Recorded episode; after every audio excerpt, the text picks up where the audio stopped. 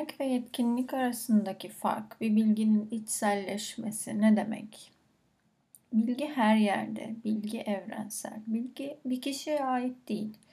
Artık icatlar yok. Olan her şey zaman içerisinde insanların erişimiyle, insanların paylaşımıyla, olanı daha çok paylaşıma açmakla, internetin kullanıma açılmasıyla kolektif olan, yayılmış olan, evrende serbest dolaşan bilgi insanların ağına düşmeye başladı. İnsanların ağına inmeye başladı. Yani kişilerin bilinç seviyesine göre bilgiyi anlama kapasitesi değişti. Frekanslar değişti. Her şey yükseldi. O yüzden insanların bilgiye erişimi hızlandı. Erişim kolaylaştı ve bilginin yayılması arttı.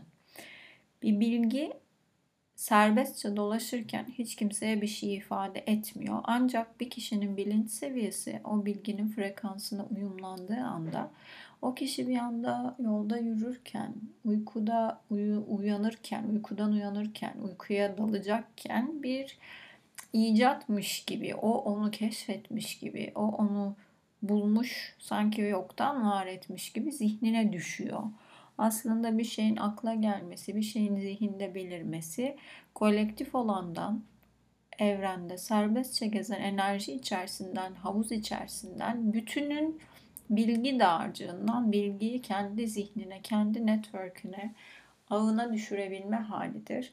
O yüzden de aklıma düştün dersiniz bir kişiye, aklıma geldin dersiniz. Çünkü bir yerde vardır o. Var olduğu için de sizin zihninizde, aklınızda beliren sureti, beliren yansıması sadece surettir. Hiçbir şey yoktan var edilmiyor. Siz birini düşündüğünüzde, birini hatırladığınızda, anımsadığınızda hep olan bir şeyin yeniden canlandırılmış halidir aklımıza gelen. Peki bir bilginin içselleşmesi ya da bir bilgi üzerinde yetkinlik kazanmak nasıl oluyor dersek hani olma hali deriz ya mış gibi yapmak var bir de. Ah, bilgiye serbestçe dolaşırken kimsenin zihnine ağına düşmemişken hiçbir şey ifade etmiyor. Çünkü ağırlığı, anlamı, manası birilerine katkı sağlaması ya da düştüğü zihinde ne şekilde akis bulduğu, ne şekilde ifade edildiğine göre ya da neye hizmet ettiğine göre anlam kazanıyor. Bir kişinin bir bilgiyi anlayabilmesi için öncelikle gözlemci olması lazım. Yani bir bilginin anlam bulması ve oluş oluşunu sergileyebilmesi, ifşa edilebilmesi için bir gözlemcinin var olması lazım. Gözlemci faktörünün oluşması lazım. Yoksa serbestçe gözle görünmez şekilde gezen birçok enerjiden, birçok bilgiden bir tanesi olarak sonsuza kadar var olur ama uygun bir zihne düşmedikçe ve kişi ona aracılık etmedikçe bir icat yapmış gibi bir mucitlikte bulunmuş gibi elle tutulur hale gelmesine imkan yok. Ya da bir eser olarak ortaya çıkarılmasına imkan yok. O yüzden bilgi serbestçe dolaşırken e, madde dünyasında tezahür edebilmesi için öncelikle bir gözlemci faktörüne ihtiyacı var. Bu gözlemci de insan. Bu gözlemcinin yapacağı gözlem ve anlayış sırasında, kavrayış sırasında ihtiyacı olan şey ise bir bakış açısı. Yani altyapısı olmadan zihnine düşen şeyin ne anlama geldiğini anlamayacaktır. Bilmesi yani anla, anlağına, zihnine düşen şeyi bilebilmesi için önce kavrayış kapasitesinde olması, zihnine düşen şeyin ne anlama geldiğini anlayacak donanımda olması lazım, kapasitede olması lazım. Sonrasında gördüğü zihnine düşen şeyi öğrenmesi lazım. Yani bilecek, öğrenecek, öğrendiği şeyi anlayacak. Onunla ilgili tecrübe edecek. E, tecrübe edebilmek için kişinin etkinlikte, davranışta, hayat tecrübesinde bulunması lazım. O yüzden de hayattan korkan insanların bilgiyi tecrübe yoluyla bünyesine, hücresine işlemesi mümkün olmuyor. O yüzden çok bilgi çok bilgelik demek olmuyor. Bilgelik demek bildiği şeyi uygulayabilmek demek oluyor.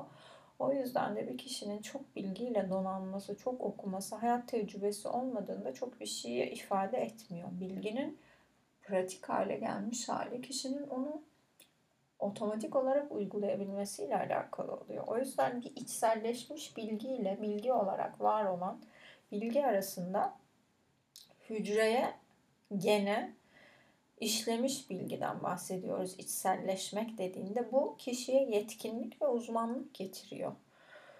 Kişinin bir bilgiyi bütün varoluşunda hissetmesiyle o bilgiyi kullanması gereken an geldiğinde ya da kullanmasına işaret eden e, sinyaller aldığında otomatik olarak sisteminden çağırması demek oluyor. Yani içselleşmiş bilgi oluyor. Onu bütün varoluşuna kaydettiği için de kuşaktan kuşağa tüm ıı, genetiğiyle hücresini paylaştığı tüm silsilesinde yaşam boyu aktaracağı bir bilgi olarak DNA yoluyla epigenetik yolla aktarımda bulunuyor. O yüzden bilginin anlaşılır olması, ortada her yerde serbest gezerken düştüğü zihinde anlaşılır olması, anlaşıldığı zihinde tecrübeyle hücreye yazılması, tecrübe edildikten sonra içselleşmiş bilginin de paylaşılarak başkalarıyla aktarımı sonucunda nesiller arasında, kuşaklar arasında bilgi yükselişi, bilinç yükselişi gerçekleşiyor. Ruhun sonsuzluk serüveni içerisinde kişilerin bilincinin yükselmesi, bilginin erişime açılması ve bilginin paylaşımı açılması ile gitgide günden güne yükselecek şekilde gerçekleşiyor. O yüzden son 10 yılda 20 yılda gelinen gelişmişlik seviyesi şimdiye kadar yüzyıllardır gelinen gelişmişlik seviyesine göre çok hızlı şekilde kat çarpan kat sayısıyla çok hızlı şekilde ilerliyor. O yüzden bilmekle yapmak arasındaki fark nedir derseniz serbest olan bir bilgiyi bildikten sonra tecrübe ederek içselleştirmek yani bilginin kendisi olmak. Bilginin kendisi olduktan sonra o insanın bünyesine bu bilgi kaydedilip yazıldıktan sonra da yapabilme yani yetkinlik seviyesine erişmektir. Bu da bilinci zıplatan, bilinci yükselten bir e, açılım sağlıyor insanın varoluşunda. Kişilerin bu süreçte farkındalıklı olması ve farkındalıksız olması bütün süreci etki ediyor. En başta söylediğimizde bilgiyi kolektiften çekip anlamak, algılamak, kapasite işi dediğimizde kişinin farkındalıklı bir yaşayışı varsa aklına gelen şeyleri fesatlık için kullanmayıp gelişime adarsa bir bütüne katkı oluşuyor. Ama onun dışında kişinin farkındalığı yoksa, kişi hiçbir edinim sağlamıyor. Kişi sürekli bütün gün zihnini boş boş işlere harcıyor.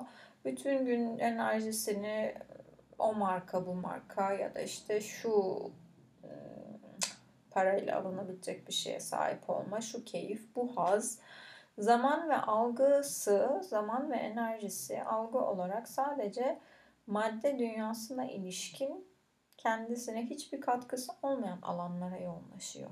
O yüzden de bir bilginin katkı olması, bir bilginin yükselişe hizmet etmesi için kişinin farkındalıklı bir şekilde hayatını yaşayan bir perspektife sahip olması gerekiyor. Hayatında varoluş amacını keşfetmesi, anlaması, vaktini ayırdığı her şeyin öncelikle ruhuna hizmet etmesi, başkalarına kötülük etmek amacıyla sadece kendisine haz vermek amacıyla olmaması, bilgi olarak ruhunu besleyici ve kapasitesini genişletici şekilde yaşıyor olması bilinç seviyesini yükseltecektir. Hayatı yaşanabilir kılması için bir kişinin varoluşunu anlamlandırabilmesi, anlam kazandırabilmesi için ihtiyacı olan şey bildiği bilgiyi uygulayıp sürekli mertebe atlamaktır. Aynı bilgisayar oyunu gibi. Mertebe atlaması için gereken bilgiye erişip bir gün öncesiyle bir gün sonrasının bilgi ve donanım kapasite olarak aynı olmaması gerekir. Kişiyi gelişime götüren yegane unsur bilgisini her gün arttırması ve günlük hayatını yaşarken, yaşam gereklerini yerine getirirken haz peşinde, yüzde yüz haz peşinde koşmak dışında varoluşunda kapasite genişletici, açılım sağlayıcı, diğer insanların, diğer canlıların yani tüm yaratılmışların amacına hizmet etmesi, gelişmişliğe hizmet etmesi gerekmektedir. O yüzden kişisel gelişimle ilgilenen ya da bir bilgiyi Paylaşımı açan kişilerde keramet varmış gibi algılamak da doğru bir yaklaşım olmuyor. Çünkü bilgi her yerde. Bilgi hiç kimseye ait değil bir şeyi sizinle paylaşan ya da bir konuda eğitim veren kişi herkes her konuda eğitim verebilir. Çünkü her zaman daha o konuda eksik bilgiye sahip kişi olabilir. Bir kişi guru yapmaz bir şeyleri fazla biliyor olmak. Bir kişiyi hoca yapmaz bir şeyleri fazla biliyor olmak. Bir şeyler öğrenmeyle ilgili bir bakış açınız olduktan sonra bir perspektif ve bir zemine oturttuktan sonra bir şeyi temel aldıktan sonra Sürekli okuma, sürekli araştırma, o alanda sürekli bilgi tazeleme, bilgi alma, bilgiye erişim alanında zaman harcarsanız zaten bilgi kapasiteniz, dağarcığınız sürekli olarak genişler ve gelişir. Önemli olan hayatta odağınızı ve öncelik noktanızı ne olarak belirlediğiniz. Sonra birileri daha çok biliyor diye sürekli onların eteğini takip etmek, arkasında onların izinden gitmek size dar bir bakış açısı sunacaktır. Kişinin kendi perspektifi ve bakış açısı gelişmedikçe hep başkalarının doğrusu onların esas kabul ettiği nokta olacaktır. Kişinin kendi bakış açısını geliştirmesi sonrasında filtrelemesi devreye girer. Kendi filtresi oluşur. Ve kendi akıl süzgecinden, mantık süzgecinden geçir, geçirdikten sonra doğru kabul edilebilir ve reddedilebilir görüşleri oluşacaktır. Makul oranlarda mantıklı gördükleri ya da kabul edilebilir gördükleri seçimlerini yapacaktır. Bilgi bilgiyi alırken geçireceği elek ne kadar sık, ne kadar geniş bu belli olacaktır. Ama bir insanın gelişime tam kapalı olması, değişime tam kapalı olması korkaklıktan ileri gelmektedir. Çünkü katı bir duruş, asla değişmek istememek, asla gelişmek istememektir. Çünkü değişim gelişimle doğru orantılıdır. Dün olduğun insan gibi olmak bir elzem bir durum değildir, bir erdem değildir. Aksine şartlara göre hareket ede- edebilmek seçici geçirgen bir durumdur. Aynı hücrelerimiz gibi aslında kişinin vücut yapısı tamamen olması gereken sistemi mikro bazda olan vücut yapımız makro bazda olan dünya ve evrensel sistemin bir örneği kopyasıdır. O yüzden de sadece bir küçük hücremizi bile örnek alsak seçici geçirgen tavrı iyiyi içeri almak, olumsuzu dışarıda tutmak üzere hücre zarının takındığı tavır aslında bir insanın hayatta alması gereken tavırdır. Onu yansıtır. Ama kişiler değişime ve gelişime o kadar kapalı olduğu için bir şeylerin kötü olma ihtimaline karşı o kadar katı duruş sergiliyorlar ve o kadar kalın kabuklar oluşturuyorlar ki gerçek bilginin yani kabul ettikleri ve ezbere aldıkları gerçek ve doğru bilgi dedikleri şeyin dışında tekrar güncelleme yapmıyorlar. O yüzden de geçmiş zamanda muhtemelen de çocukluk yıllarında oluşturdukları korkular ve çerçeveler sınırlamalar doğrultusunda gelişime kapalı bir kapalı sistem şeklinde yaşıyorlar. Bu benim huyum, bu benim karakterim, bu benim doğrum, bu benim yanlışım. Bunun dışındaki bir şeyi kabul etmiyorum diye sabit bir tutum sergilemeye çalışıyorlar. Ama çıkarları doğrultusunda bunları esnetiyorlar. Ama esnedişlerini aslında biraz böyle gizli saklı yapıyorlar. Çünkü kendilerine bile e, esnediklerini ifade etmek, e, kendilerine bile bunu ifade etmekten çekiniyorlar. Bu yüzden de kişilerin şartlara ve durumlara göre farklı tavır ve tutum sergilemeye hakları olduğunu önce kendilerini kabul etmesi ve dün olduğu insan olmamanın normal ve kabul edilebilir bir davranış olduğunu kabul etmesi gerekiyor. O yüzden bilgiyle birlikte sistemin her dakika ve her saniye güncellenen bir Apple telefon gibi, Android gibi sürekli yeni versiyonla her günkü aldığı tecrübe bilgileriyle, her günkü edindiği yeni bilgiler ışığında sisteminin sürekli güncellendiğini ve bu güncellemeyle dün olduğu insan olmayıp aksine bir dakika önceki insan da olmadığını kabul etmesi ve bunu normal karşılaması gerekiyor. Bu kadar çok bilgi varken, her şey bu kadar değişime açıkken bir insan neden değişim bu kadar kapalı olmak zorunda hisseder kendini? Bir sonraki kaydı bunun üzerine yapalım. İnsan neden değişmek istemez? Değişimden neden korkar? Siz de bu podcast'i sevdiyseniz bir sonraki kaydı da dinlemenizi öneririm.